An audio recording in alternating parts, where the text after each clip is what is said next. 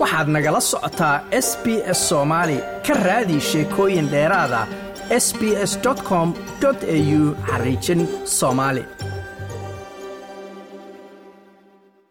allah u naxariistee waxaa magaalada hargeysa lagu aasay abwaankii weynaa ee soomaaliyeed maxamed ibraahim warsame hadraawi kaasi oo muddooyinkii ugu dambeeyey ku xanuunsanaa magaalada hargeysa ee uu deganaa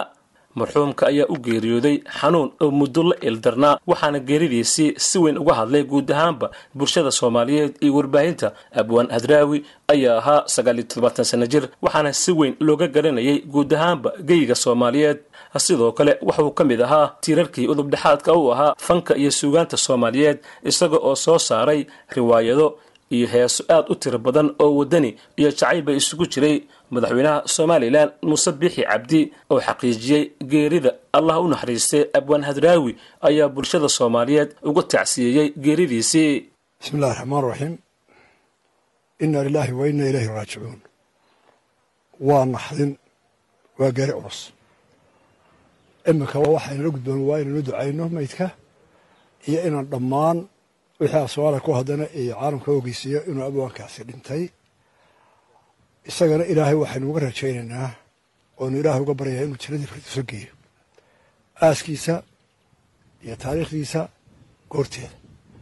waa naxdin iminka cusub iclaanka dadkana waynu ogeysiinaynaa waananu ducaynaynaa. Wixii dambaana hawstaa la geli doonaa aaskiisa iyo taariikhdiisa iyo hawshaas inoo dambaysa. Dhammaan ummadda somalilan iyo afka soomaliya wixii ku hadla iyo qoyskii iyo bahdii warbaahinta suugaanta hal abuurka iyo dhammaan ummaddo dhan waa ka tacsidiinaya hadraawi ilaahay ha u naxariisto innagana allah inooga daba naxariisto ilaahay waxaanu ka rajaynaynaa halkiisa cawan khayr qabo inuu noo soo dhigo allah u naxariistay abwaan hadraawi ayaa waxaa sidoo kale geeridiisii ka tacsiyeeyey madaxda dowladda federaalk ee soomaaliya abwaano fara badan iyo dadweynaha sida gaarka isagoo u garanayay dowladda federaalk ee soomaaliya ayaa qoraal tacsiya ka soo saartay geerida allah u naxariistay maxamed ibraahim warsame hadraawi abwaankii weynaa ee soomaaliyeed. Ra'iisul wasaare ku-xigeenka xukuumadda federaalk ee soomaaliya ayaa isna ka hadlay tacsida iyo geerida ku aadan abwaan hadraawi walaalayaal waxaan halkan tacsi uga diraynaa qoyskii iyo qaraabadii iyo dhammaan ummadda soomaaliyeed ee uu ka baxay marxuun maxamed ibraahim warsame hadraawi suugayahankii weynaa ee soomaaliyeed macallinkii weynaa ee muddada badan soo barbaarinayay wax soo barayay ummadda soomaaliyeed. Mufakirkii weynaa ee ummadda afkaartiisa iyo odhaahdiisa ku hagayay u tilmaamaya waxa saxda ah baadilka iyo waxa xunna ka dhiidhiyi jiray walaalayaal taariikhda suugaanta iyo afkaartii suubanayd ee uu xambaarsanaa maxamed ibraahim warsame hadraawi mid aynu halkan ku soo koobi karno maha muddo dheer ayuu wakhtigiisa naftiisa iyo juhdi uu juhdi badan u geliyey si uu ummadda soomaaliyeed ugu adeegi lahaa. Xanuuniye ayuu ahaa. Wuxuu ahaa ruux ay dhammaan da-yarta markaas soo kacaysa iyo ummadduba ay hiigsan jirtay oo role model u ahaa. Halkan kuma soo ururin karno sugaantiisii baaxadda weyneyd wuxuu ku dhashay gobolka togdheer laakiin waa nin dhammaan siddeed iyo tobanka gobol iyo deegaanada ee mandaqadda iyo meel walbay soomaaliya joogtaba laga yaqaanay u malayn maayo guri soomaaliyeed oo buugga hadraawi aanu oolin inuu jiro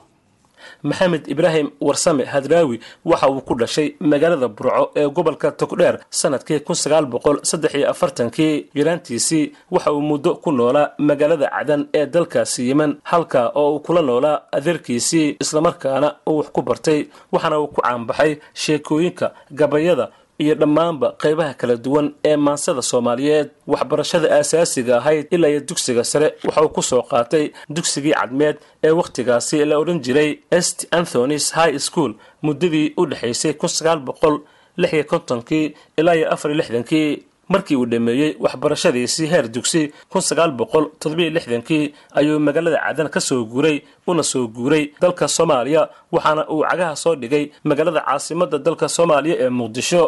abwaan hadraawi waxa uu wax ku bartay jaamacadda ummadda soomaaliyeed bilowgii toddobaateemeeyadii muddadaasi waxa uu ku soo caanbaxay gabayada heesaha iyo sheekooyinka ka bixi jiray idaacaddii dowladda ee raadiyo muqdisho ilaa iyo bilowgii